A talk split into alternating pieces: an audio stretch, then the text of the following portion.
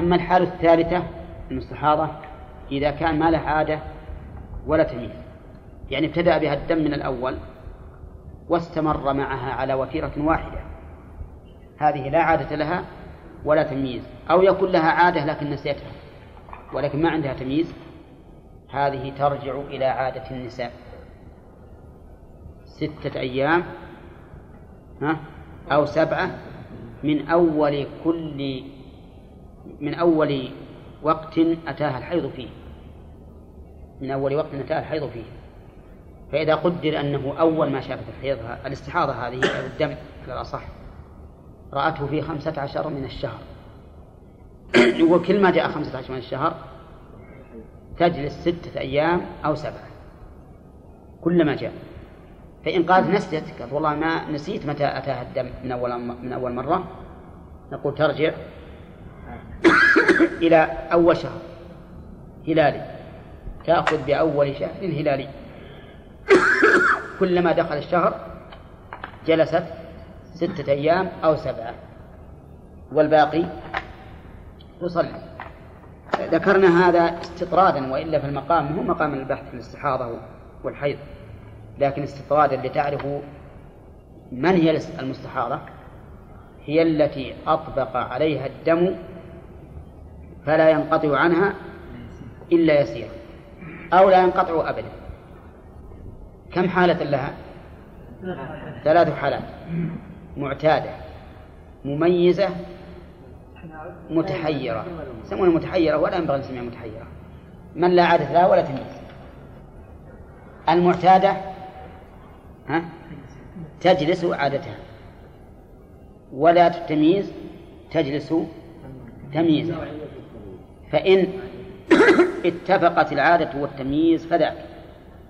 وإن اختلفت العادة والتمييز فأيهما تقدم؟ فيه خلاف ومشهور من مذهب الإمام أحمد أنها تقدم العادة. فإن لم يكن لها عادة ولا تمييز رجعت إلى غالب النساء ستة أيام أو سبعة. لكن متى تبتدئ في الجلوس من أول وقت أتاها الحيض فإن نسيته فمن أول كل شهر هلالي. نعم. أي نعم نعم. الفرق الرابع ذكره بعض الأطباء المعاصرين. قال الفرق الرابع أن دم الحيض لا يتجمد. دم الحيض ما يتجمد. ودم الاستحاضة يتجمد. وعلل ذلك بأن دم الحيض كان في الرحم متجمدا. ثم ينطلق. فلا يعود إليه التجمد مرة أخرى. بخلاف دم الاستحاضة فإنه دم يخرج من العرق فهو كسائر الدماء. والدم لا يخرج من العروق كما تعرفون. ها؟ يتجمد ولا لا؟ لا يتجمد. يتجمد. إذا خرج تجمد. طيب. آه هذا حكم المستحاضة نشوف كلام المؤلف الآن. قال المستحاضة الناسية تعتد. آه ثلاثة أشهر. ظاهر كلام المؤلف ولو كان لها تمييز. ظاهر كلامه ولو كان لها تمييز لأنه أطلق المستحاضة الناسية ولكن هذا الظاهر غير مراد. فإن المستحاضة الناسية إذا كان لها تمييز تجلس ثلاثة قروء لأن لها لها الآن حيض صحيح. ما دام عندها تمييز فإنها تجلس ثلاثة قروء بحسب إيش؟ تمييزها. فلنفرض أن هذه المستحاضة كان يأتيها الدم المتميز كل شهرين مرة. كل شهرين مرة. كم تكون عدتها؟ ستة شهور. فقول المؤلف رحمه الله المستحاضة الناسية ينبغي أن نقول وكذلك المبتدأ اللي بعدها ينبغي أن نقول ما لم يكن لهما تمييز. فإن كان لهما تمييز ها فعدتهما ثلاثة قروء. عدتهما ثلاثة قروء كغيره لأن التمييز يعتبر حيضا صحيحا. طيب المستحاضة الناسية. والمستحاضة المبتدأة. المستحاضة المبتدأة؟ شو المستحاضة المبتدأة؟ هي التي رأت الدم المطلق من أول ما جاء الحي من أول ما جاء الدم استمر بها. هذه يسميها العلماء المستحاضة المبتدأة لأنه ما له عادة سابقة فهي مبتدأة من أول ما جاء الحيض صارت مستحاضة. يقول مستحاضة مبتدأة ثلاثة أشهر والأمة شهران. لماذا قلنا ثلاثة أشهر؟ وهي مستحاضة. نقول لأن غالب النساء يحيض في كل شهر مرة. وهذه مستحاضة وليس لها حيض صحيح فنرجع إلى غالب النساء وغالب النساء أن يحضن كل شهر مرة. الأمى الشهران بناء على ما سبق من أن عدتها حيضتان ولكل حيضة شهر فيكون عدتها عند عدم الحيض شهرين. انتهى الكلام على المرأة التي ارتفع حيضها ولم تدري سبب الرفع قال وإن علمت ما رفعوا من مرض أو رضاء أو غيرهما فلا تزال في عدة حتى يعود الحيض فتعتد به أو تبلغ سن الإياس فتعتد عدته. إن علمت ما رفع هي امرأة تحيض. ومن ذوات الحيض. ارتفع حيضها بسبب الرضاع. والغالب أن المرضع لا تحيض. ارتفع حيضها بسبب الرضاع ثم طلقها زوجها. كم عدتها؟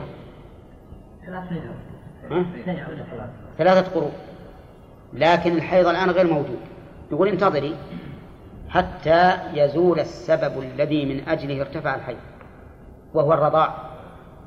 بقيت حتى فطمت الصبي. فطمت الصبي لكن ما رجع الحيض ماذا نعمل؟ نقول ثلاثة أشهر؟ لا لا تبقى.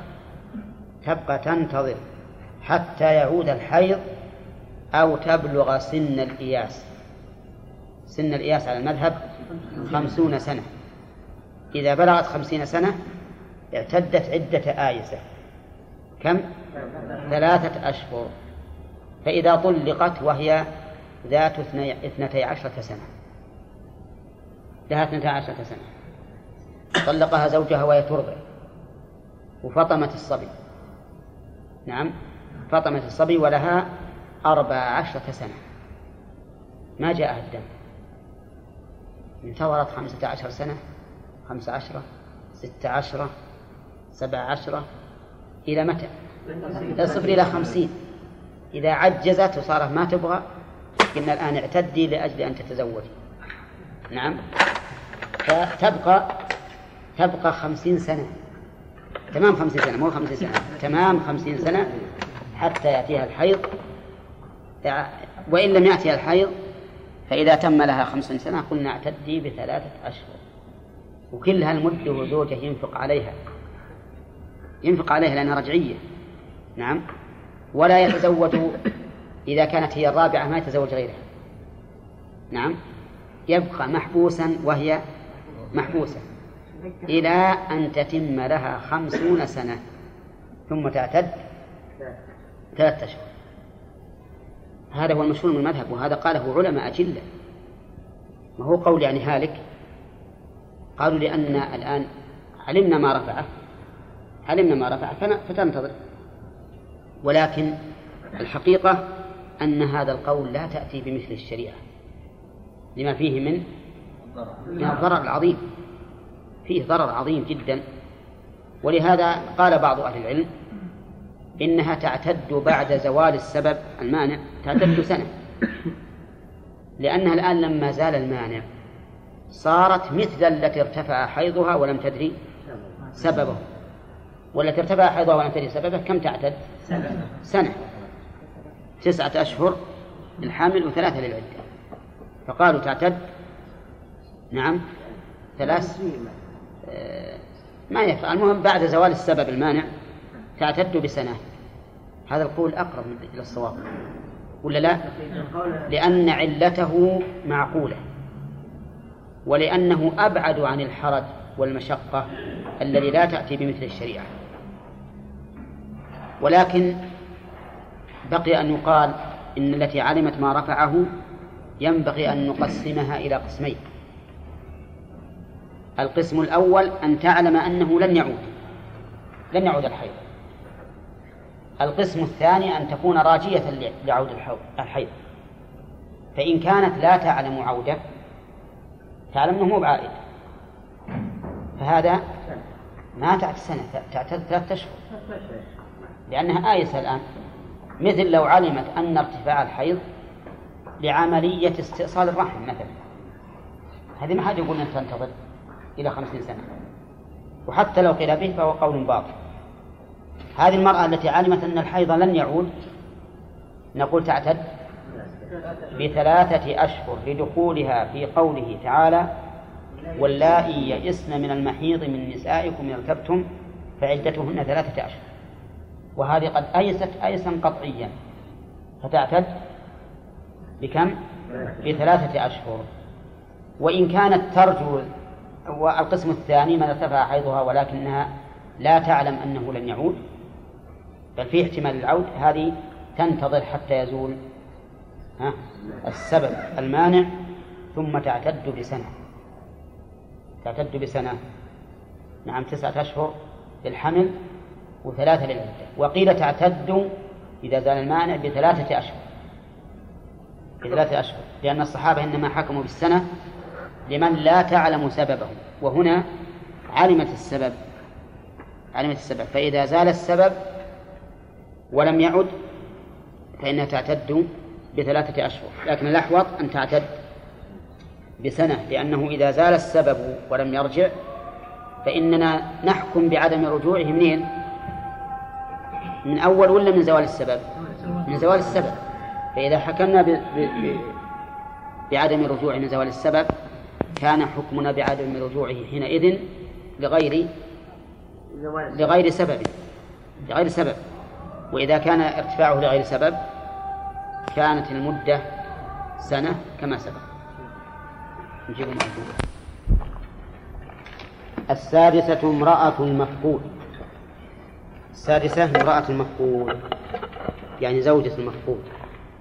والمفقود هو الذي انقطع خبره فلم يعلم له حياة ولا موت.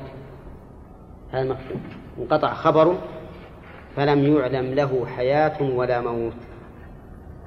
مثل رجل سافر سافر ثم انقطعت أخباره. ما يعلم. هو وصل البلد الذي قصد. ولا رجع إلى بلده ولا ذهب إلى بلد آخر ولا مات ولا أسر ما يدرك إنما تعريفه هو الذي انقطع خبره فلم يعلم له حياة ولا موت. هذا المفهوم. يقول المؤلف تتربص يعني تنتظر ما تقدم في ميراثه. والذي تقدم في ميراثه على المذهب إن كان ظاهر غيبته الهلاك انتظر به أربع سنين منذ فقد. وإن كان ظاهر غيبته السلامة انتظر به تمام تسعين سنة منذ ولد. تمام تسعين سنة منذ ولد. فإذا فقد وله تسع وثمانون سنة وظاهر غيبته السلامة. كم ينتظر؟ سنة واحدة. وإن كان ظاهر غيبته الهلاك؟ أربع سنين. ها؟ وكان مقتضى الأمر؟ العكس العكس. العكس. لكن هكذا جاءوا هكذا ذكروا. واستندوا فيما ذكروا إلى آثار وردت عن الصحابة في ذلك. والآثار الواردة عن الصحابة في ذلك قضايا أعيان. قضايا أعيان. وقضايا الأعيان لا تقتضي العموم. هذه من قواعد أصول الفقه. انتبهوا له قضايا الأعيان ما تقتضي العموم. يعني مثلا لو جاء واحد وسألنا قال إن ابني فقد فقلنا انتظر خمس سنين عشر سنين أربع سنين. هل هذا هذه القضية تكون عامة لكل عين؟ لا في هذه العين نفسها فقط. لأنه جاء لأنه من الجائز أن يكون المفتي. نظر إلى هذا الشخص بعينه فرأى أنه إذا مرت تسع خمس سنين أو عشر أو أكثر يتبين أمره. وربما يكون آخر يتبين أمره بأقل من ذلك. وربما يكون آخر يتبين أمره بما فوق ذلك حسب حسب حالة الرجل. فلو أن وزيرا فقد مثلا. أو أن عاملا من العمال الذي يندس في عامة الناس ولا يعلم عنه. بينهم فرق ولا لا؟ بينهما فرق كبير. هذاك يعرف إذا وصل البلد عرف. أما هذا ما يعرف يمكن يمضي سنة سنتين ما أدري هو في البلد أو في غيره. ولهذا الصحيح أننا لا لا نقدر ذلك بما ذكر الفقهاء. وأن الأمر في ذلك راجع إلى اجتهاد القاضي. إلى اجتهاد القاضي في كل قضية بعينه. ربما يكون أربع سنين كثيرة يغلب على الظن أنه, إنه مات بأقل من ذلك. وربما تكون قليلة بحسب الحال. فالصواب أنه يرجع في ذلك إلى اجتهاد القاضي. رجل جاءه الوادي. وادي يمشي من المطر فاجترفه وحمله. وش ظاهر وش ظاهر فقده؟ الهلاك. كم ننتظر؟ أربع سنين. في وقتنا هذا ما ننتظر أربع سنين. نعم. أيام. طائرة هليكوبتر تمشي على ممر الوادي هذا وتعرف تكشف الأمر. فمثل هذه الأشياء الصواب أنه يرجع فيها إلى اجتهاد القاضي وهو يختلف باختلاف الأحوال والأزمان والأمكنة. والأسباب التي بها فقد. فلا, فلا, فلا نقيدها بأربع سنوات ولا بتسعين سنة. طيب إذن تتربص ما تقدم في ميراثه. ما هي ما هي مدة التربص على المذهب؟ الأخ. عيد. ها؟ أنت سمعت الآن. طيب فقد وله ثمانون ظاهره السلامة. عشر ظاهره الهلاك؟ أربع سنوات. والمثال الأول ذكرنا له تسع وثمانون. إن كان ظاهر غيبة الهلاك. ها؟ أربع سنوات. السلامة سنة واحدة. أي نعم. والصواب ها؟ هو يجتهد الحاكم. ذكر إذا فقد من تسعين ما في إلا الاجتهاد. والصواب أن الاجتهاد في كل شيء. أنه يجتهد الحاكم في كل مفقود. طيب بعد التربص. يقول تربص ما تقدم ثم تعتد للوفاة. تعتد للوفاة. كم؟ أربعة أشهر وعشرة أيام. أربعة أشهر وعشرة أيام. قال وأمة كحرة في التربص وفي العدة نصف عدة الحرة. لماذا كانت كالحرة في التربص؟ لأن التربص معنى يعود إلى الزوج لا إليها. أولى يعني بنبحث عنه. لكن العدة تعود إليها.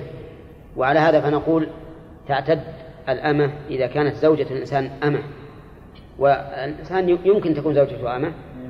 إذا كان هو رقيقا أو كان حرا بالشروط السابقة في المحرمات في النكاح. فإذا كانت أمة فإنها تعتد فإنها في التربص كالحرة. وفي العدة نصف عدة الحرة كم تكون يا حسين؟ كم تكون عدتها؟ نعم. قول المؤلف تتربص. ظاهر كلامه أن ذلك على سبيل الوجوب وأنه متى فقد تربصت. لكنهم ذكروا أنه يجوز أن تصبر. إذا شاءت أن تصبر وتقول والله أنا ما, ما لي نظر بالأزواج أبى أصبر لين الله يجيبها أو نتيقن موته. فلها ذلك. وعلى هذا فيكون كلام المؤلف هنا مقيدا بما إذا أرادت أن تتزوج وأن تتخلص من هذا الزوج المفقود. وأما إذا قالت زوجي مفقود وبنتظر حتى نتيقن ما نلزمها بأن تتربص وتعتد. نعم؟ طيب. يقول المؤلف ولا تفتقر إلى حكم حاكم بضرب المدة وعدة الوفاة يعني ما يحتاج أن تراجع الحاكم. هي بنفسها إذا فقد زوجها تتربص المدة التي أشار إليها المؤلف. نعم. بناء على القولين. ثم بعد ذلك تعتد للوفاة. ثم تتزوج. ما يحتاج تروح للقاضي وقول المؤلف لا تفتقر إلى إلى حكم حاكم. الحاكم عند الفقهاء يعني القاضي. يعني القاضي مو الأمير القاضي. وهذا الذي ذكره المؤلف من مفردات مذهب الإمام أحمد. والقول الثاني في المسألة أنها لا أنه لا بد من حكم الحاكم. أنه لا بد من حكم الحاكم لئلا يقع الناس في الفوضى. لأن إذا قلنا كل امرأة تفقد زوجها تتربص المدة التي يغلب على ظنها أنه مات ثم تتزوج صار في هذا فوضى. يمكن المرأة إذا أبطأ عنها زوجها واشتهى زوج آخر قالت زوجي مفقود وعملت هذا العمل. ولهذا المذهب القول الثاني في في المذهب وهو مذهب الأئمة الثلاثة أنه لا بد من مراجعة القاضي هو الذي يتولى هذا الأمر وهذا متعين لا سيما على القول الراجح الذي رجحناه وهو أنه يرجع فيه إلى الحكم بموته إلى اجتهاد القاضي. فما دام يرجع الاجتهاد لا بد من أن تصل المسألة إليه. نعم. تعتد وجوبا نعم. ذكرنا أنه مخير أصلا. إذا حكم الموت تعتد. لكن إن أحبت أن تبقى من الأصل ما تتربص المدة المذكورة ولا ولا تتزوج فلها ذلك يقول المؤلف و وإن تزوجت إن تزوجت فقدم الأول. أفادنا المؤلف بقوله إن تزوجت أن لها أن تتزوج. ولا لا؟ لأنها لما انتهت المدة والعدة حصل الفراق وحلت للأزواج. لكن هل هي زوجة الثاني ظاهرا أو ظاهرا وباطنا؟ الصواب أنها زوجته ظاهرا وباطنا. لأن الأحكام الشرعية إذا ثبتت ثبتت ظاهرا وباطنا. فعلى هذا إذا تزوج إذا تزوج لها أن تتزوج زوجا آخر. تزوجت زوجا آخر. لما تزوجت قدم الزوج الأول. حينئذ تقع المشكلة. أيهما الزوج؟ تالي ولا الأول؟ ها؟ إذا قالت هي الأول الحمد لله اللي فكنا الله منه. أنا بالثاني نعم. الخيار لمن؟ الخيار للزوج ولهذا قال لا فيه في أيضا تفصيل. إذا تزوجت آخر فقدم الأول فإما أن يكون قبل وطء الثاني أو بعده. شوف الحكم هنا معلق بالوطء مو بالدخول يعني مو بالخلوة بالوطء إما أن يكون قبل وطء الثاني أو بعده. يقول المؤلف رحمه الله فقدم. الثاني فقدم الأول قبل وطء الثاني فهي للأول. فهي للأول. لماذا؟ قالوا لأنه لما قدم الأول تبينا أن عقد الثاني باطل. حيث كان على امرأة في عصمة زوج. فيكون النكاح باطلا. شوف العلة هذه. انتبه. العلة إذا لم تكن مضطردة فهي باطلة. وهذه العلة سيتبين لنا أنها غير مضطردة. أنها غير مضطردة. وعلى هذا فتكون باطلة. نحن نقول نعلل بما عللوا به حتى نرجع على هذا ونشوف المعنى. إذا نقول إذا قدم الزوج الأول وأنتم معي الآن؟ الزوج الزوجة زوجها مفقود. تربصت المدة المقررة للحكم بموته ثم اعتدت للوفاة ثم تزوجت. فقدم الزوج الأول يقول لا يخلو من حالين الحالة الأولى أن يقدم قبل وطء الثاني. فإذا قدم قبل وطء الثاني فهي له بالأول غصبا عليه ولا باختياره؟ غصبا عليه. حتى لو قال أنا ما بيها ما دام أنها تزوجت فالله يساعدها يقول لا هي زوجته أفهمت؟ طيب ولهذا يقول المؤلف فهي للأول وبعده يعني بعد وقت الثاني له أخذها زوجة بالعقد الأول بعده أي بعد وطء الثاني وهي الحالة الثانية الحالة الثانية إذا و... إذا قدم الأول بعد وطء الثاني. فهو بالخيار. فهو بالخيار. إن شاء أخذها وإن شاء أبقاها شفت إذا قدم الأول بعد وطء الثاني فهو بالخيار. إن شاء أخذها وإن شاء أبقاها للثاني. يقول المؤلف فله أخذها لكن أخذه إياها بعقد. ولا بالزواج الأول؟ يقول زوجة بالعقد الأول وإن لم يطلق الثاني. وإن لم يطلق الثاني. أفادنا المؤلف بقوله وإن لم يطلق الثاني أن النكاح صحيح. أن النكاح صحيح. لأن قوله ولو لم يطلق يفيد أنه لو طلق لوقع الطلاق. ولا طلاق إلا بعد نكاح. وبهذا يتبين لنا بطلان العلة السابقة. وش العلة السابقة؟ لأنه لما قدم الأول تبين تبينا بطلان العقد الثاني. هذه العلة لا فرق بين أن يقدم قبل الوطي أو بعد الوطي ما دام أن العلة لبطلان النكاح كون الزوج الأول موجودا فهنا لا فرق بين أن يطأ أو لا يطأ لا فرق. مع أنهم يقولون حتى لو خلا بها. إذا لم يطأ فهي للأول. مع أنه إذا خلا بها لو كان النكاح صحيحا لوجبت لوجبت العدة كما سبق. فإذا التعليل علي ولذلك الصحيح أن الزوج الأول يخير على كل حال. يخير على كل حال. كما سنذكره فيما بعد. طيب الآن نمشي على المذهب.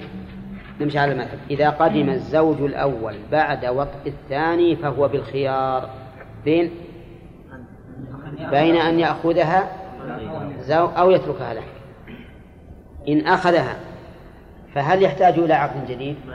لا. لأن أخذه إياها استبقاء لنكاحه الأول.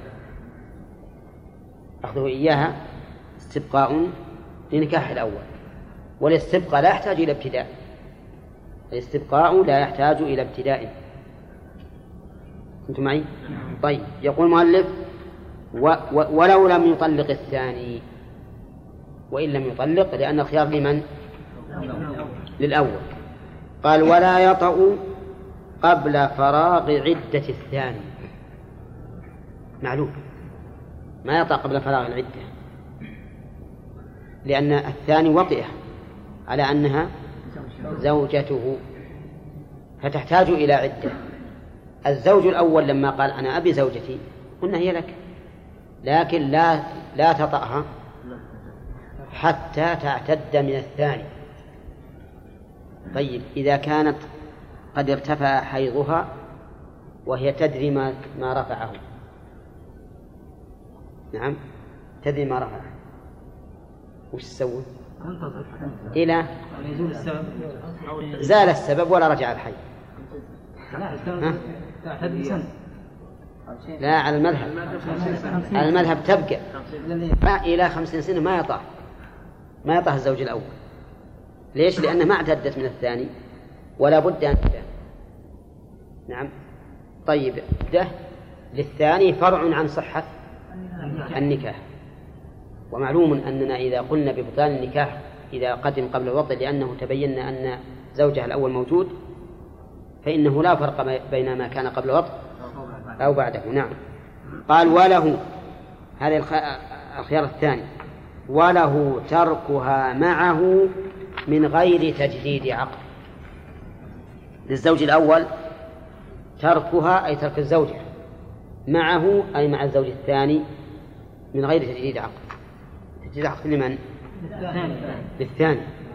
ما حاجة نجدد عقد كيف لا, لا لماذا لا نجدد عقدا لأن تركه تركها معه إمضاء للعقد الأول. إمضاء للعقد الأول.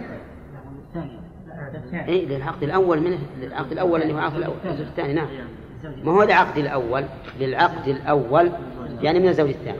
ما يحتاج أن نجدد العقد فإبقاؤها معه معناه إمضاء عقده. معناه إمضاء عقده. وليس معنى تركها أنه, أنه الآن ما صارت زوجة بل هو إمضاء للعقد. فيكون هذا من باب إجازة العقد بعد تنفيذه. أو ب... نعم بعد تنفيذه. وهذه ما يعبر عنها بتصرف الفضول.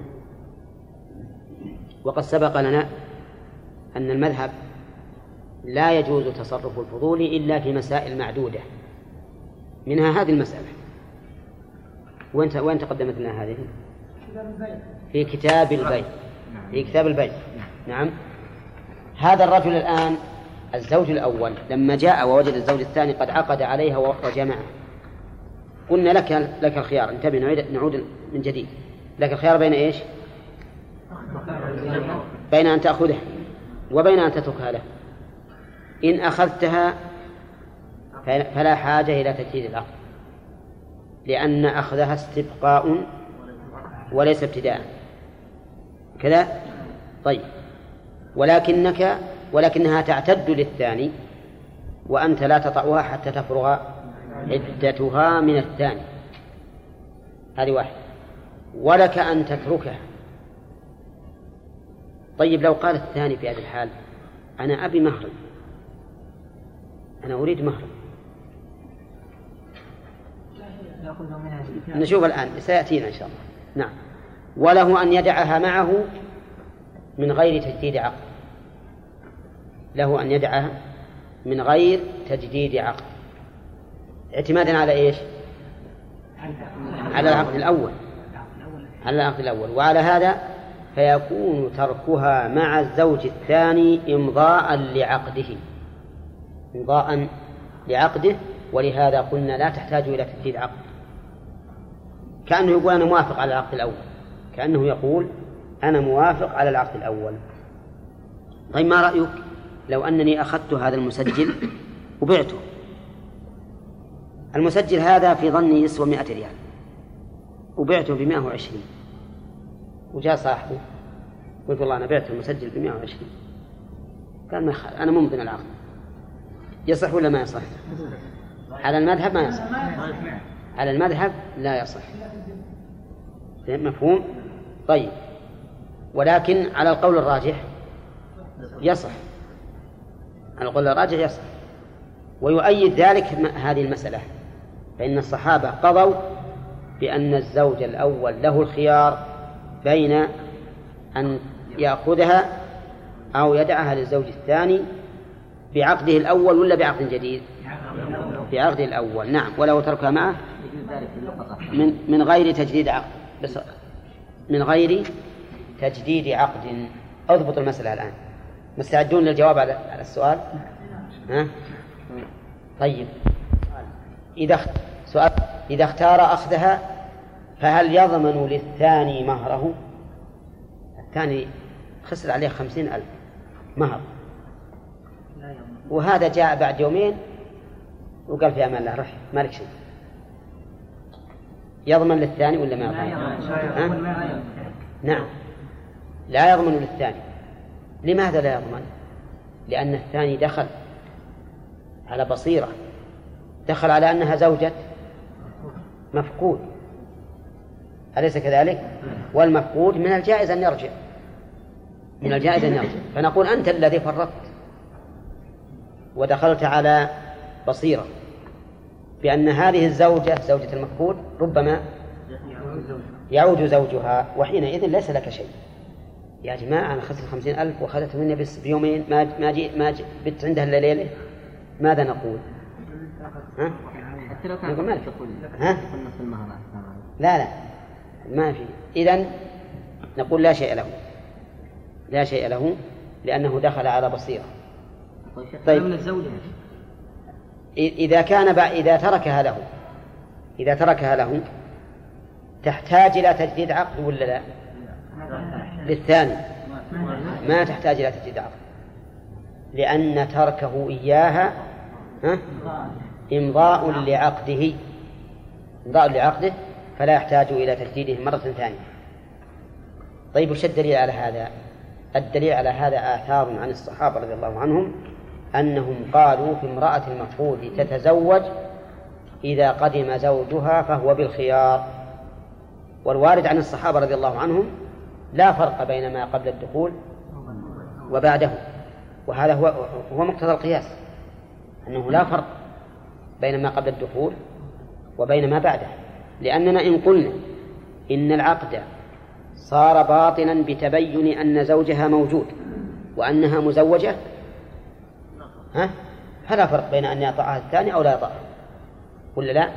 وإن قلنا إن العلة أنه لما عقد عليها فإن نفس زوجها قد تطيب بها للزوج الثاني إما حياء منه وإما كراهة لهذه الزوجة التي تزوجت ولم تنتظر أو لسبب من الأسباب.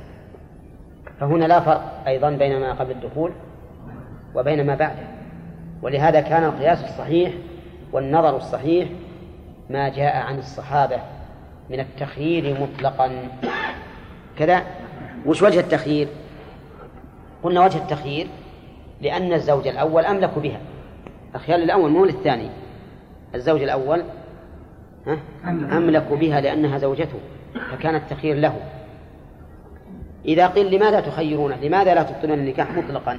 وتقول هي للأول كما قال به بعض أهل العلم.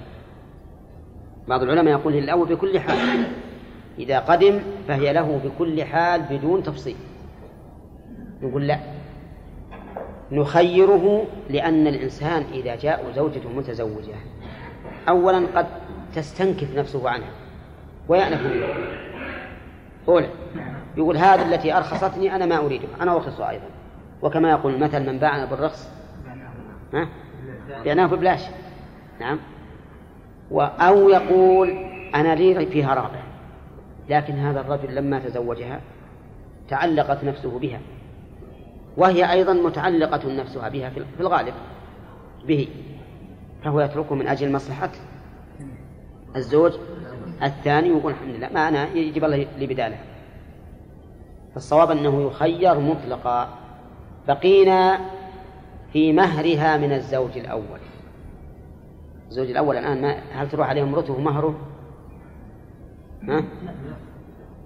قول اسمع كلام المؤلف يقول ويأخذ قدر الصداق الذي أعطاها من الثاني يأخذ من؟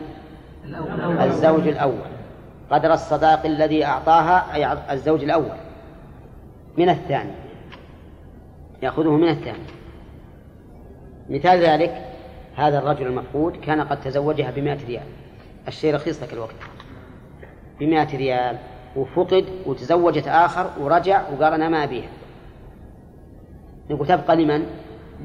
للثاني وللزوج الأول أن يطالب الثاني بمهره الذي أعطاه كم؟ مئة ريال يأخذ مئة ريال ها؟ لماذا؟ لأن مهرها قيمتها.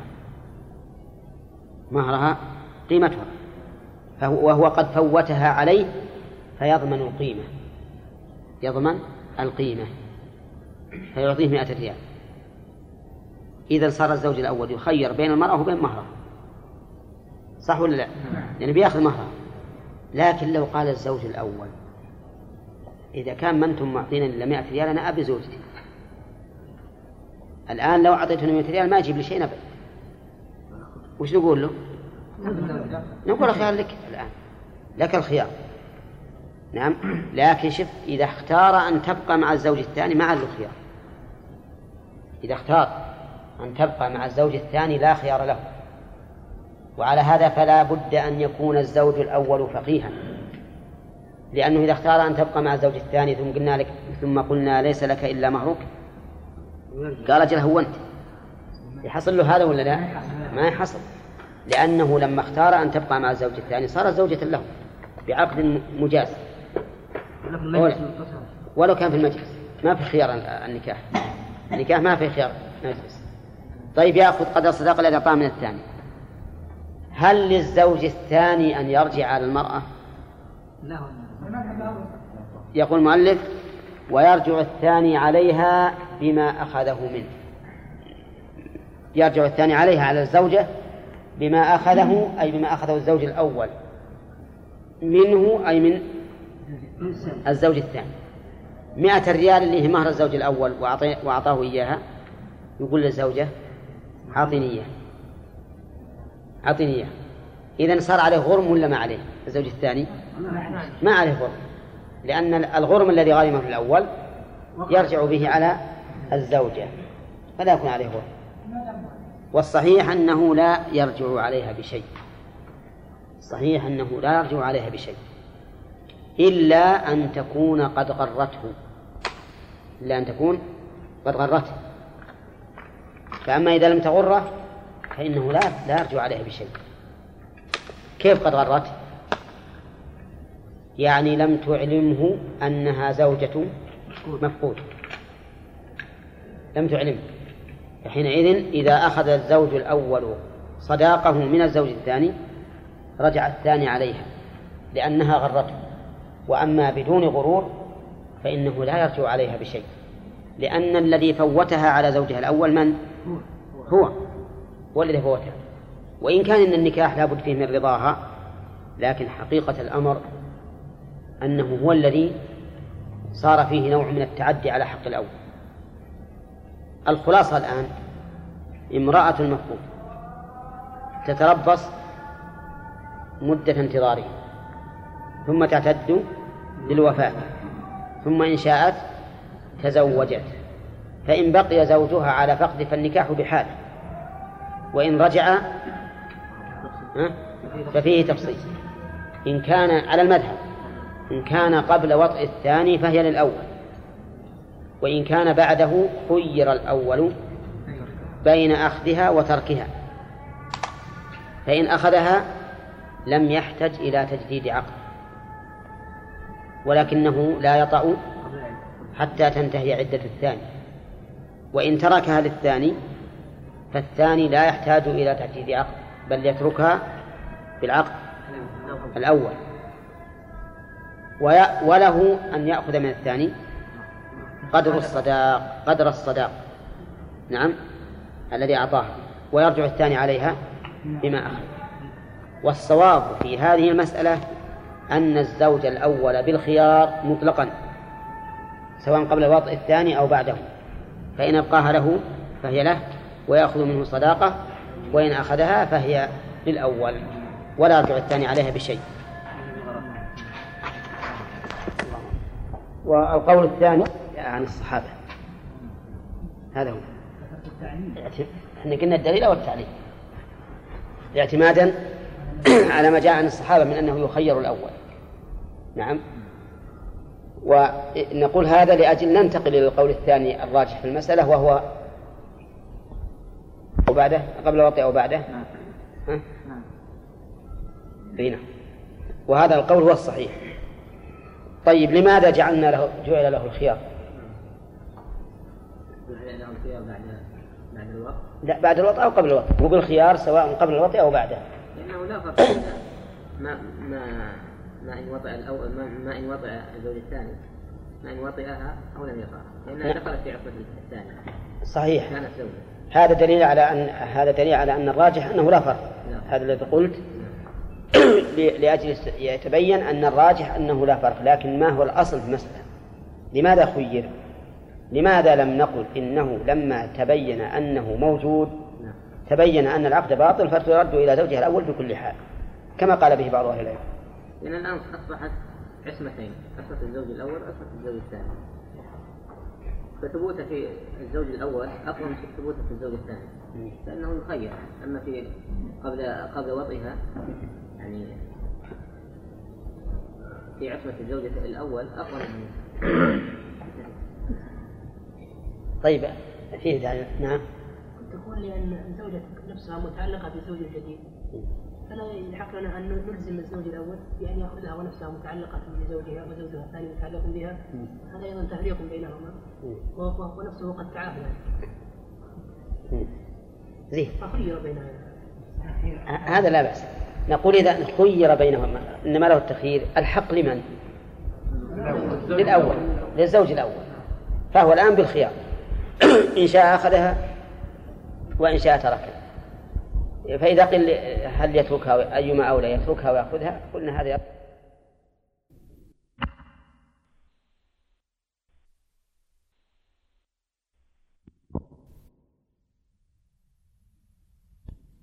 ومن مات زوجها الغائب أو طلقها يعني زوجها الغائب اعتدت منذ الفرقة وإن لم تحب. يقال الفرقة ويقال الفرقة. بينهما فرق. الفرقة يعني الطائفة. والفرقة بالضم الافتراق. فتعتد منذ الفرقة. وإن لم تعلم إلا بعد موته بزمان. أو بعد طلاقه بزمان. هذا هو القول الراجح.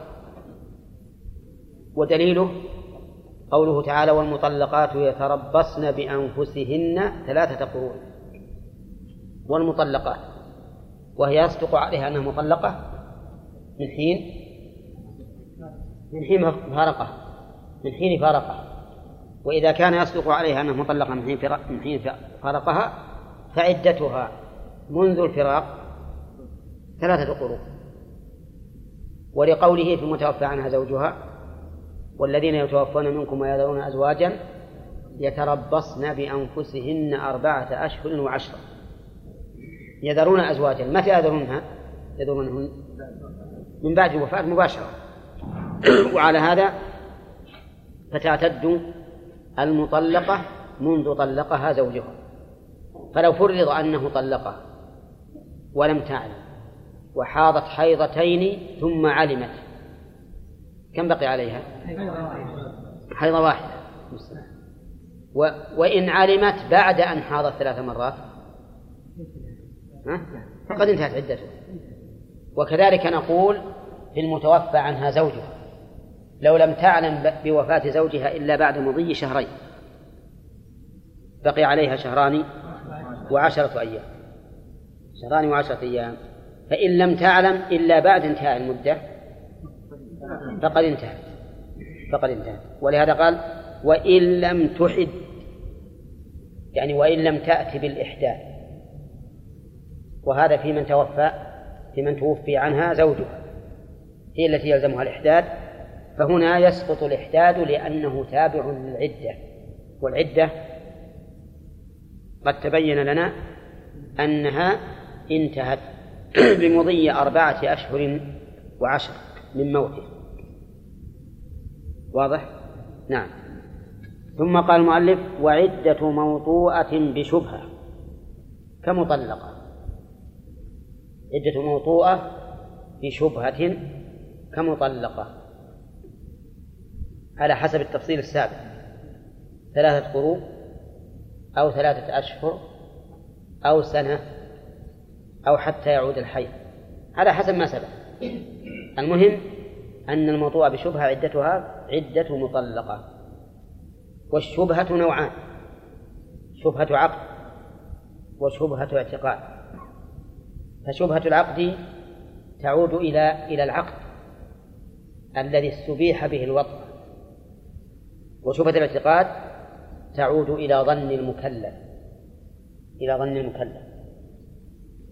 مثال شبهة العقد أن يتزوجها لا يدري أنها أخته من الرضاع مثلا فيتبين أنها أخته.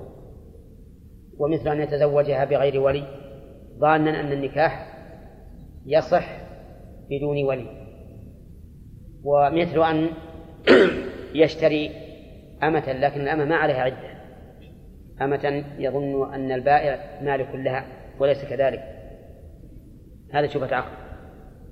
أما شبهة الاعتقاد فمثل أن يجامع امرأة ما عقد عليها لكن يظن أنها زوجته. هذه نقول فيها شبهة اعتقاد ما حصل عقد حتى نقول عقد في اشتباه لكنه أخطأ في ظنه. ظن أن هذه زوجته فجامع يقول هذه شبهة اعتقاد عدتها كمطلقة. عدتها كمطلقة يعني تعتد بما سبق. وهذا هو المشهور من المذهب. والصحيح أنها لا تعتد كمطلقة. وإنما تستبرأ بحيضة. تستبرأ بحيضة. لأن هذه ليست زوجة ولا مطلقة. هي مطلقة؟ نعم. ولا هي بزوجة. وإنما كانت العدة ثلاثة قروء المزوجة التي طلقها زوجها ما هو لأجل العلم ببراءة الرحم فقط لكن من أجل ذلك ومن أجل حقوق الزوج ليمتد له الأجل حتى يراجع إن شاء والموطوءة بشبهة ها؟ هل يكون في حقها ذلك؟ لا لأن ما هو زوج حتى يحتاج أن نمد له الأجل لعله يراجع. إنما المقصود أن نعلم براءة رحمها وهذا يحصل بحيضة. هذا من جهة التعليل. أما من جهة الدليل فلأن الله إنما أوجب العدة على المطلقة والمطلقات. مطلقات. نعم. أفهمتم؟ عدتها. فالعدة التي ذكرها للمطلقة وهذه ليست مطلقة والمطلقات يتربصن بأنفسهن ثلاثة قروء ولا يحل لهن أن يكتن ما خلق الله في أرحامهن إن كن يؤمن بالله واليوم الآخر وبعولتهن أحق بردهن. وهذا لا, لا, لا يمكن أن ينطبق على الموضوع بشبهة. نعم. ذكرنا أن شيخ الإسلام الجماعة نعم. إيه عليها العدة لكن منها عدة الطلاق الاستبراء ولذلك هو يختار هنا أن الموضوع بشبهة تستبرأ فقط. طيب كذلك أيضا عدة الموطوءة بزنا. الموطوءة بزنا عدتها كمطلق. ترى الموطوءة بزنا ما تقبيل أو استمتاع بما دون الفرج؟ موطوءة بزنا عدتها كمطلقة. نعم. لماذا؟ يقول قياسا على المطلقة. وهذا ليس بصحيح هذا من أبعد الأقيسة وكيف وكيف نقيس وطئا محرما سفاحا على وطئ جائز؟ بنكاح صحيح. هذا بعيد جدا. ولهذا القول الثاني في المسألة أن عليها ها؟ استبراء أن عليها استبراء وليس علي وليس وليس عليها عدة. بل سبق لنا أن القول المروي عن أبي بكر وجماعة من الصحابة أن المزني بها لا عدة عليها إطلاقا. ولا تستبرأ ولا شيء. لا سيما إذا كانت ذات زوج. لقول الرسول عليه الصلاة والسلام الولد للفراش. إيش؟ أي. لا. لا ذكر في المغني أنها لا عدة لها لا عدة عليها كذلك يقول أو موت ولهذا الصحيح أن أن الزانية تستبرأ فقط إلا إذا كانت لها زوج فإنها لا حاجة لاستبراء لا عدة ولا استبراء أي. كانت حاملة أي هذا واضح ما بشي لكن إذا كان ذات زوج لا لا لا يلزم الزوج بإسناده الثالث قال أو موضوعة بعقد فاسد. ما قال المؤلف باطل. الموضوعة بعقد فاسد هذه صحيح أنها تكون عدتها كمطلقة لأن الذي عقده يعتقد أنه صحيح. وأما العقد الباطل فإنها على قول الصحيح لا لا تعتد كمطلقة لأن العقد الباطل وجوده كعدمه. وجوده كعدمه ولا يؤثر شيئا ما الفرق بين العقد الباطل والفاسد؟ الباطل ما اتفق العلماء على فساده. والفاسد ما اختلفوا فيه. كمطلقة. واختار شيخ الإسلام في هذا كله أن أنه أنها لا أنه لا عدة وإنما هو استبراء بقي عندنا المطلقة طلاقا ثلاثا طلاقا بائنا بالثلاث هل هي تعتد أو تستبرأ؟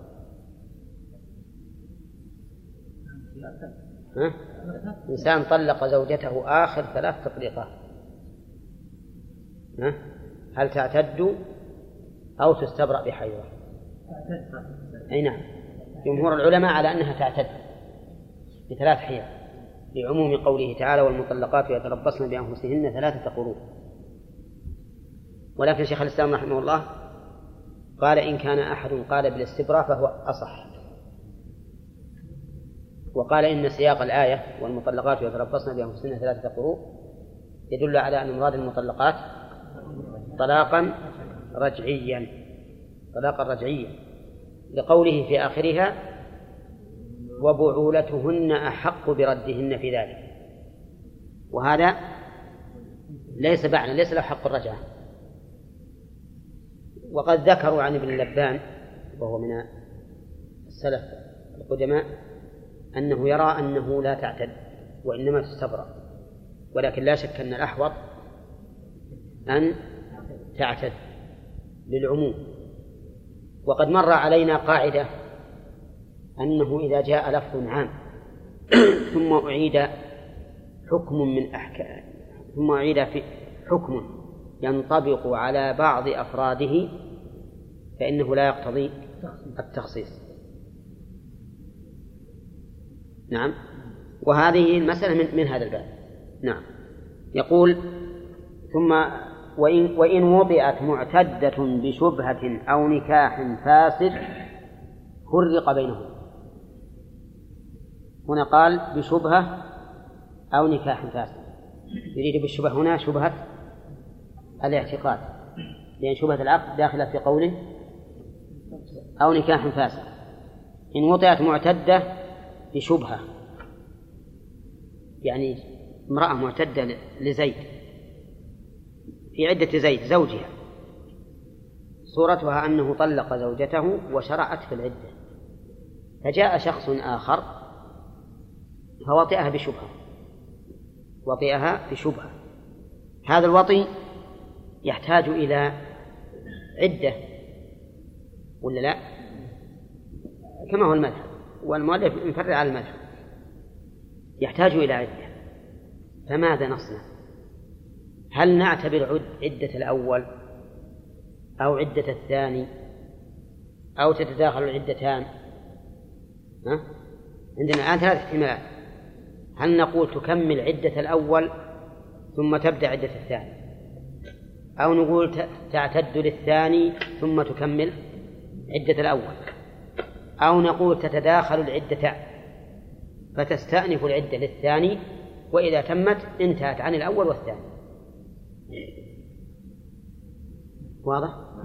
الفرق بين هذه الأحوال الثلاث واضح.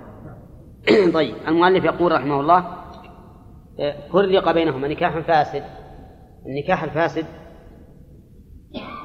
يريد به هنا النكاح الباطل في الحقيقة لأن المعتدة نكاحها باطل إذا كان المتزوج غير زوجها. لأن العلماء أجمعوا على أن المرأة المعتدة لو عقد عليها النكاح فالنكاح باطل. أما إذا عقد عليها زوجها لكن بدون ولي مثلا صار النكاح فاسدا لا باطلا. صار النكاح فاسدا لا باطلا.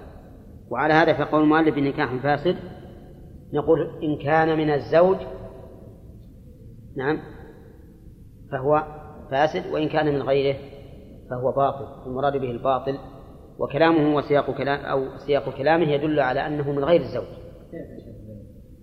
إذا كان قد طلقها على عوض فهنا العدة تثبت والطلاق بائن لكن له أن يتزوجها بعقد فتزوجها بدون ولي.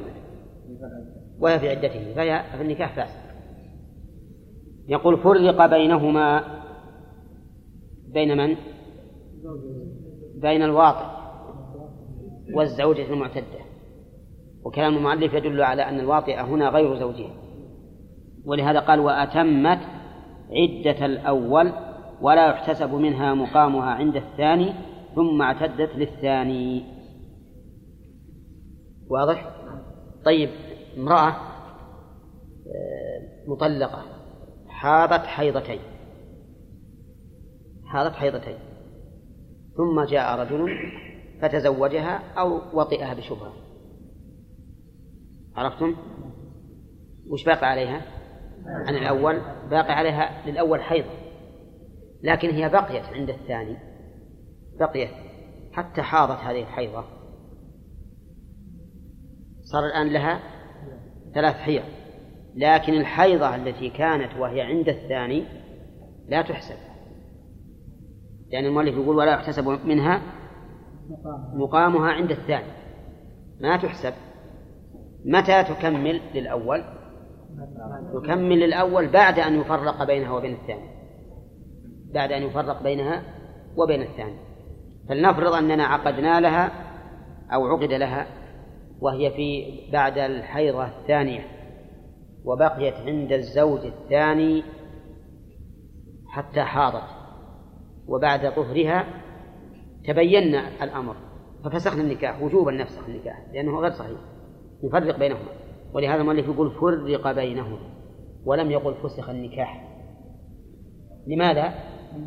لأن العقد باطل هنا بالإجماع. العقد باطل. فرقنا بينهما بعد أن حاضت الثالثة. كم بقي عليها؟ عليها للزوج الأول؟ حيضة واحدة. تحيض حيضة واحدة تنتهي من عدة الأول. ثم تستأنف العدة للثاني. كم؟ ثلاث حيض. تستأنف العدة للثاني. طيب ما, ما, ما قولكم لو قلنا بأنها تعتد للثاني ثم تكمل الأول؟ لا يعني أقول الاحتمالات نشوف هل تختلف الصور ولا ما تختلف. نقول لو قلنا تبدأ بالأول بالثاني كان نقول تحيض ثلاث حيض. لمن؟ للثاني. ثم بعدها تعود وبحيضة للأول. ربما يعتريها بعد ثلاث الحيض. يعتريها مثلا آه، ارتفاع الحيض على وجه لا تدري سببه. أو على وجه تدري سببه. وتطول العدة على من؟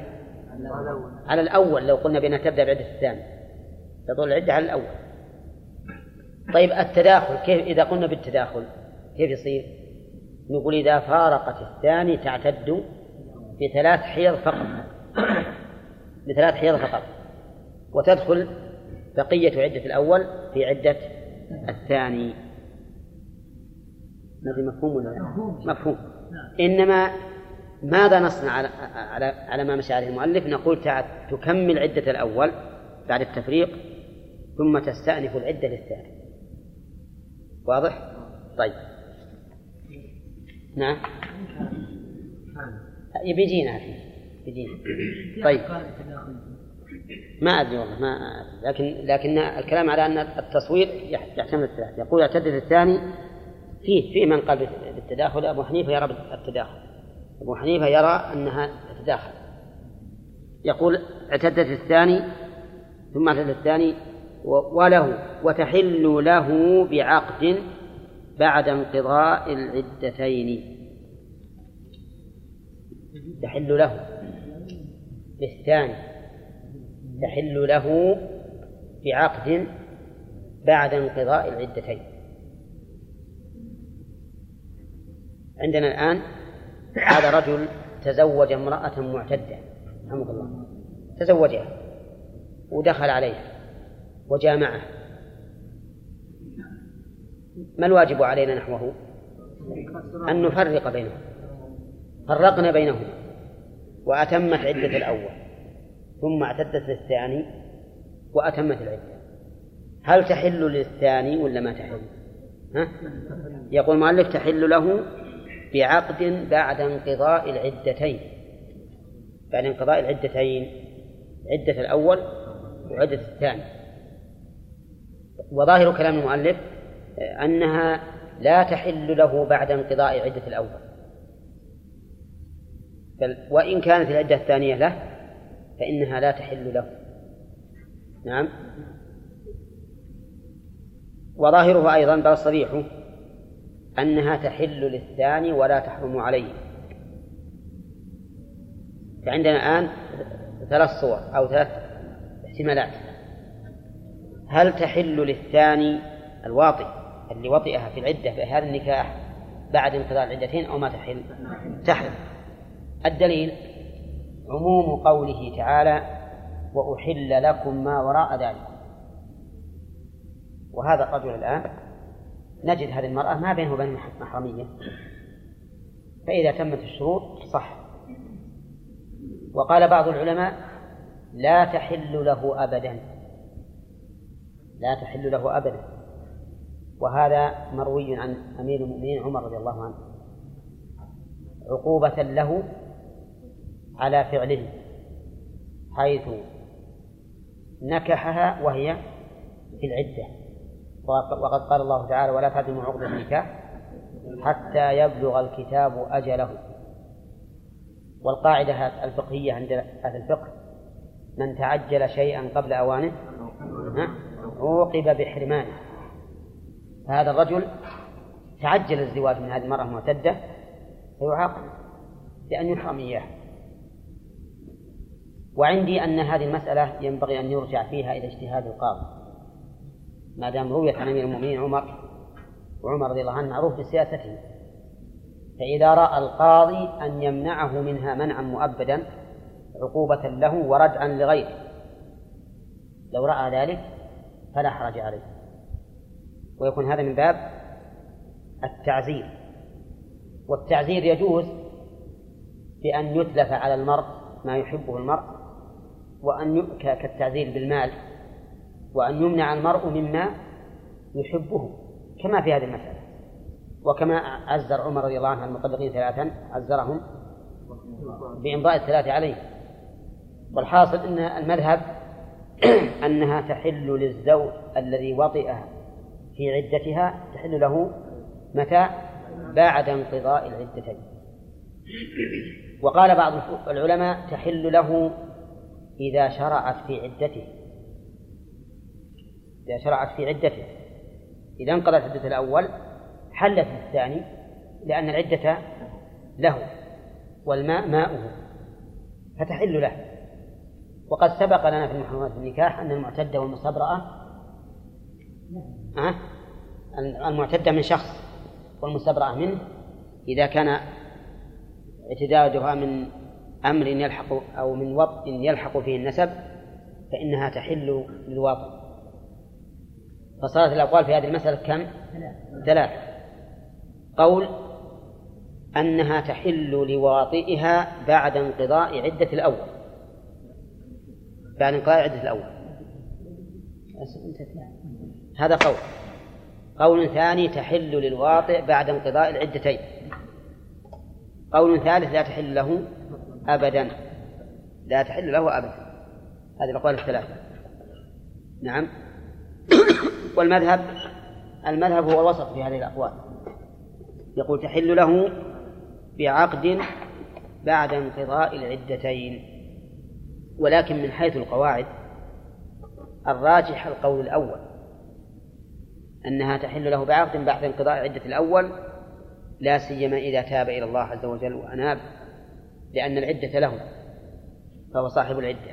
لكن إذا رأى الإمام أو الحاكم الشرعي أن يمنعه أن يمنعه منها مطلقا على حد ما روي عن عمر فإن له ذلك كان نكاح باطلا فلماذا تعتد لا تستبرأ؟ نعم. كان نكاح باطلا فلماذا لا تستبرأ ولا تعتد لا حق له؟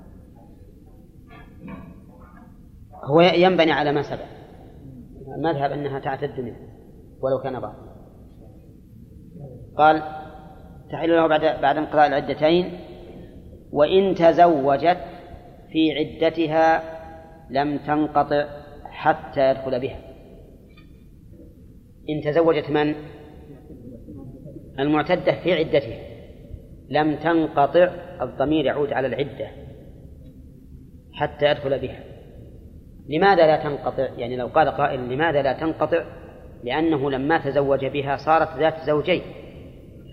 فيجب أن نقطع عدة الأول. الجواب أن هذا العقد غير صحيح. فهي إذا ليست ذات زوجين. هذا العقد الذي جاء في عدة الأول غير صحيح ما, ما له أثر إطلاقا. وإلا كان لا أورد علينا الإنسان هذا الإشكال. مرة ثانية إذا تزوجت في عدتها امرأة في عدة إنسان فجاء رجل آخر فتزوجها إما جاهلا أو متعمدا ما يخاف الله والعياذ بالله تزوجها في عدتها. هل تنقطع عدة الأول؟ لا ما تنقطع. لماذا لا تنقطع؟ وقد عقد عليها. فلا يمكن أن تكون مشغولة لزوجين. فالجواب أن هذا العقد باطل فلا أثر له. لا أثر له. لكن متى تنقطع؟ يقول حتى يدخل بها المراد حتى يطأها. حتى يدخل بها يعني حتى يطأها. من اللي يطأها؟ الزوج الثاني. ليش؟ لأن الوطي هو اللي يقطع العدة. الوطء هو الذي يقطع العدة. فإذا وطئها نفرق بينهما نعم. لماذا ترجع الثاني وهو يريد أن يراجع؟ كيف؟ العدة الأخيرة ليش؟ هو يريد أن يراجع. من اللي بيراجع؟ ما النكاح ما صح. لأن تزوج المرأة وهي في عدتها غير صحيح. لا العدة الأول الواحد آخر إذا انتهت العدة الأول. نعم. إذا إذا انتهت الأول آه، ذكرنا المذهب أنه ما ما يتزوجه إلا انتهت العدة عدة منه. كل عدة. إيه لأنه واطئة. واطئة. كل وطئ على المذهب كل وطئ أنه يجب العدة. أن تنقطع حتى يدخل بها. فإذا فارقها بنت على عدتها من الأول ثم استأنفت العدة من الثاني.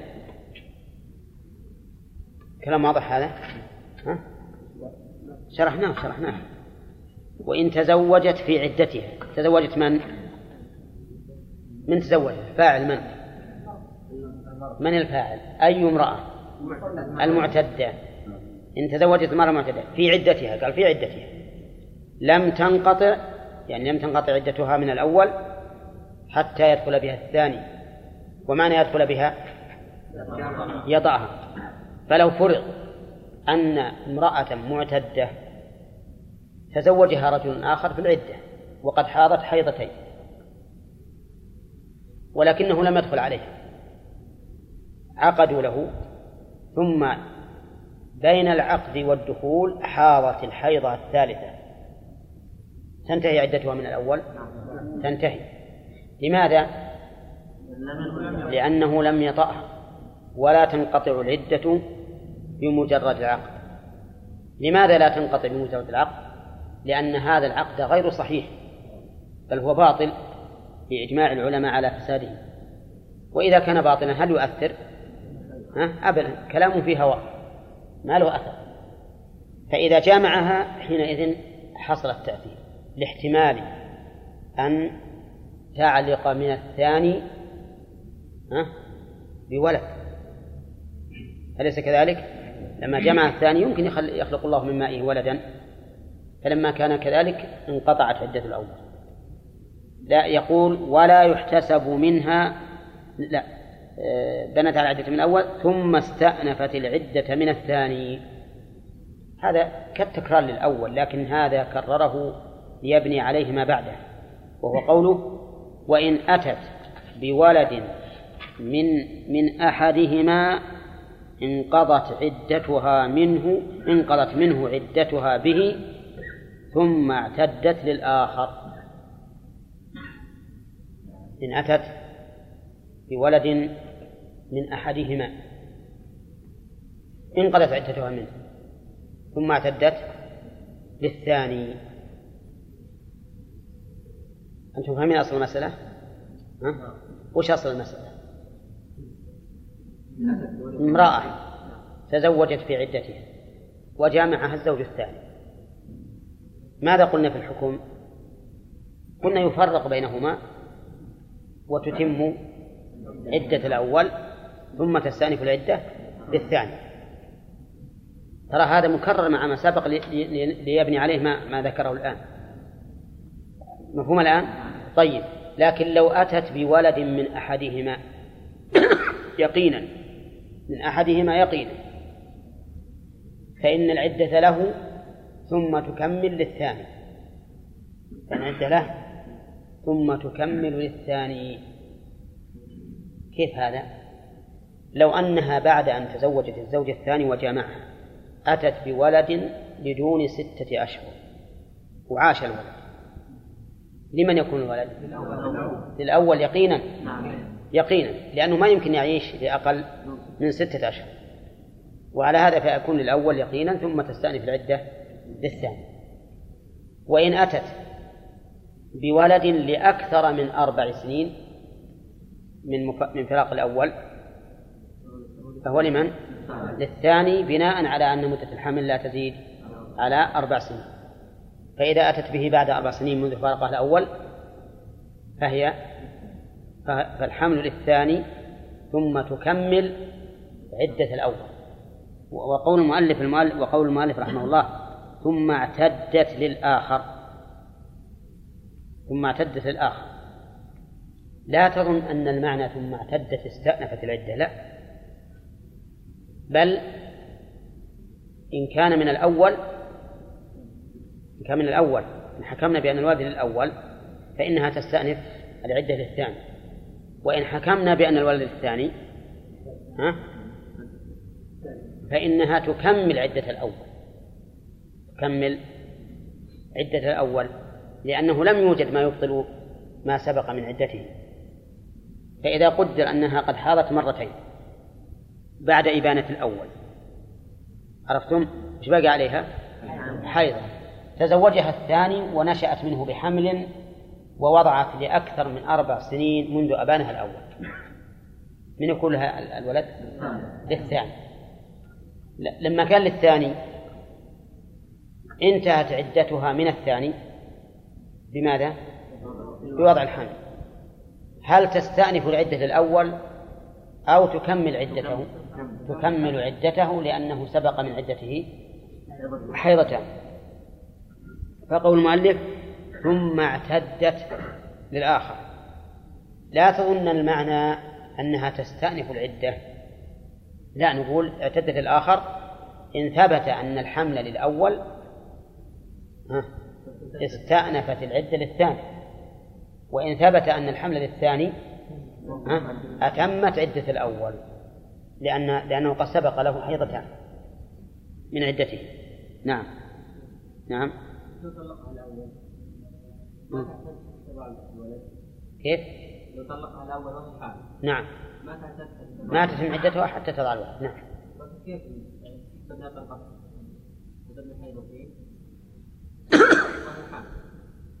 ما ندري. ما ندري. لأن المرأة قد تحيض وهي حامل. مفهوم المسألة الآن؟ وهذه الحمد لله قليلة الوقوع لكن يجب أن يعرف الإنسان الحكم وهي كثيرة الوقوع في مسألة. بعض العوام يظنون أن المرأة إذا طلقت وهي ترضع أنها تعتد بكم؟ بثلاثة شهور. إذا اعتدت ثلاثة شهور زوجوها. وهذا غلط. بماذا تعتد المرضع؟ بثلاث حيض. والمعروف أن المرضع ما يأتيها الحيض في حال الرضاع. وعلى هذا تبقى حتى يعود الحيض فتعتد به. هذه ربما تقع خصوصا عند البادية ربما تقع. يزوجون هذه المرأة المطلقة وهي ترضع إذا مضى عليها ثلاثة شهور زوجوها. تأتي المسألة هذه ولا ما تأتي؟ ها؟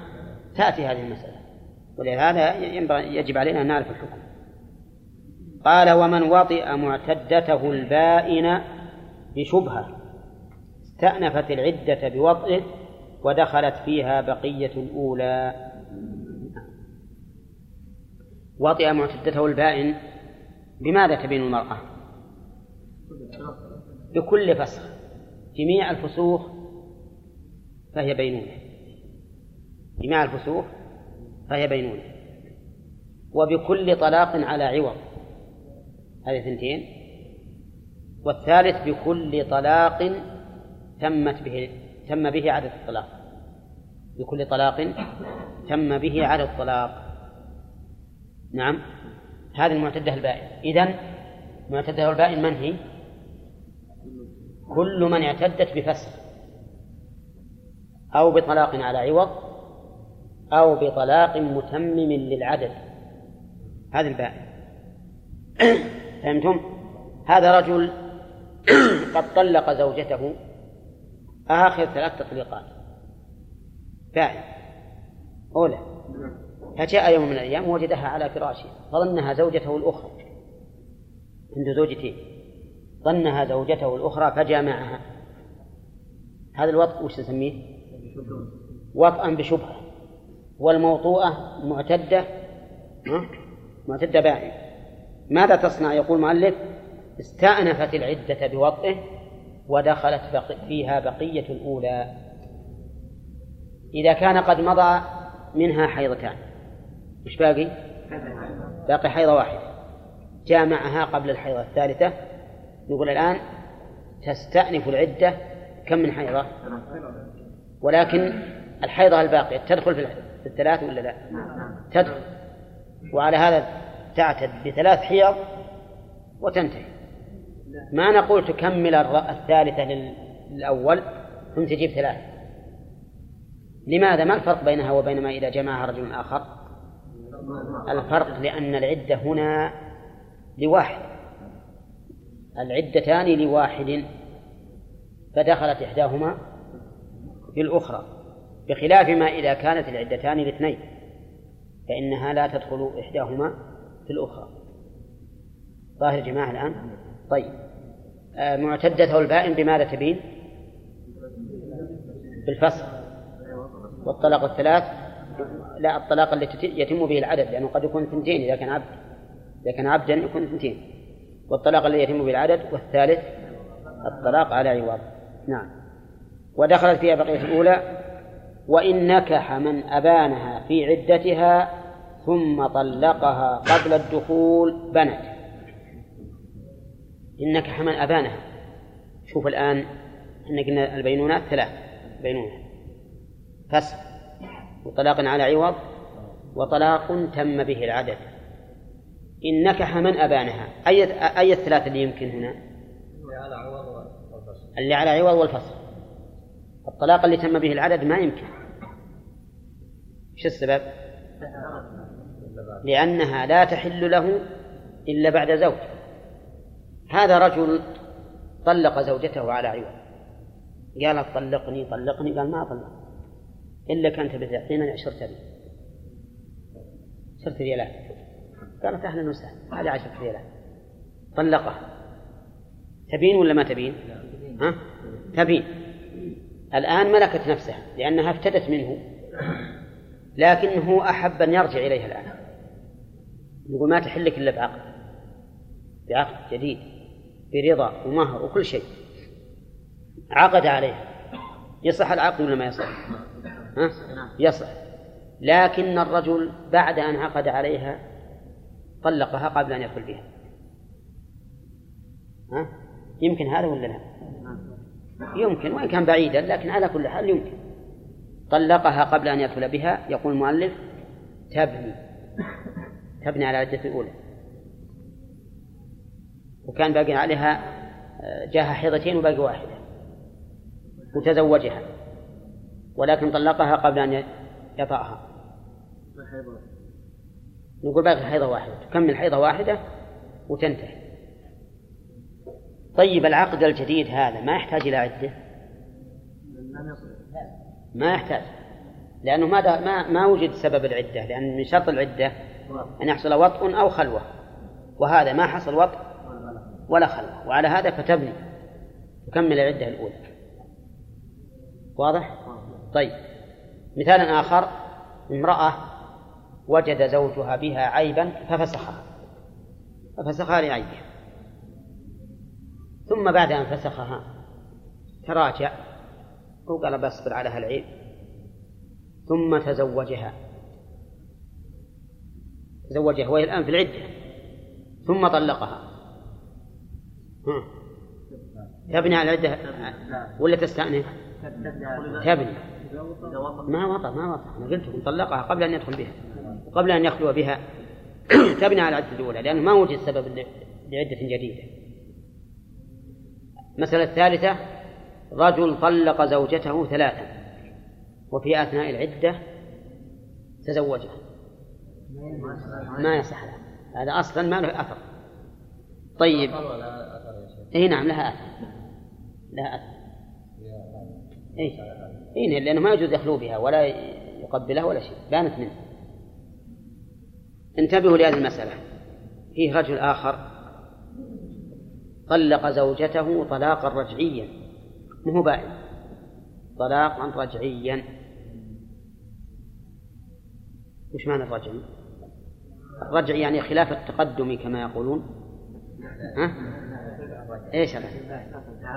الرجعي هو الذي يمكن أن يرجع عليها بدون عقد. هذا الرجل رجل تزوج طلق امرأته طلاقا رجعيا. فجاءه أحد أصدقائه وقال ليش تطلق؟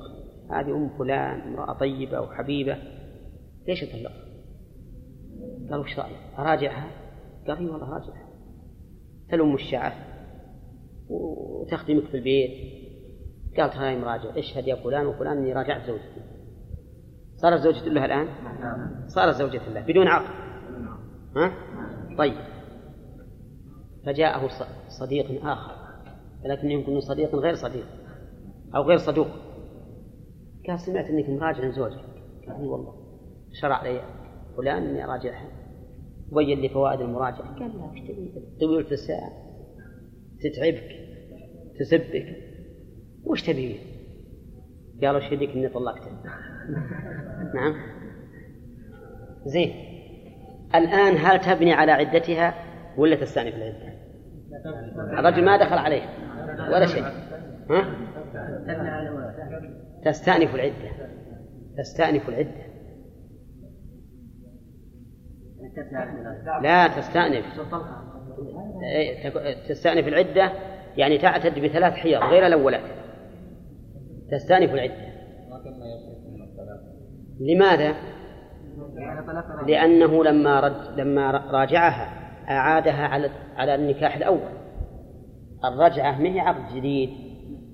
الرجعة إعادة إلى النكاح الأول. النكاح الأول فيه دخول ولا لا؟ فيه دخول ولهذا هي معتدة من النكاح الأول الآن. وعلى هذا فتستأنف العدة لأنه لما أعادها على النكاح الأول أعادها على نكاح مدخول به. فإذا طلقها طلق امرأة مدخولا بها. فتستأنف العدة من جديد. وهذه مسألة يغلط فيها بعض الناس. بعض الطلبة ما يفهم الفرق بين هذه وهذه ولكن الفرق بينهما واضح. فلو سألك سائل رجل تزوج امرأة طلقها طلاقا بائنا فتزوجها في عدتها ثم طلقها قبل أن يدخل أو يخلو بها فما تقول؟ تبني على العدة الأولى. يعني بس تكمل العدة الأولى. كذا؟ تكمل العدة الأولى فقط. ورجل آخر راجع زوجته المعتدة من طلاق رجعي راجعها. ثم طلقها قبل أن يدخل أو يخلو بها. ما تقولون؟ تستأنف العدة. تستأنف العدة. فإذا قلت ما الفرق بين الصورتين؟ فالفرق أن نقول في المسألة الأولى كانت بائنا منه فعقد عليها نكاحا جديدا أولى طلقها فيه قبل قبل الدخول والخلوة. طلقها قبل الدخول والخلوة فكان طلاقا لا عدة فيه. لقوله تعالى يا أيها الذين آمنوا إذا نكحتم المؤمنات ثم طلقتموهن من قبل أن تمسوهن ها؟ فما لكم عليهن من عدة تعددونها وهذا نكحها ولا مسها ولا ولا خلا بها أما المسألة الثانية فإن المسألة الثانية إعادة امرأة إلى نكاح ها؟ نكاح سابق لأن نكاح سابق حصل فيه دخول فلما أعادها إلى النكاح الأول صارت هذه الإعادة مبنية على ما سبق فإذا فارقها بعد هذه الإعادة ها؟ نعم تستأنف لأنها مطلقة من نكاح مدخول فيه. واضح؟ أي نعم هذا هو الفرق بينهم. نعم. يجوز الطلاق صارت رجعية راجعها راجعها. لكن راجعها يجوز ان يطلقها وما انقضت التسريع أي هي يجوز. هذاك هذاك إذا طلقها بدون رجعة. أما إذا راجعها فهو بإجماع العلماء. بإجماع العلماء أن طلاقها الثاني يقع عليها إذا رجع بعد الرجعة بعد الرجعة إيه. في واضح؟ إيه. إيه. هذاك إذا طلق وهو ما راجع طلق وهو وما راجع وهو ما راجع هذا اللي فيها الخلاف نعم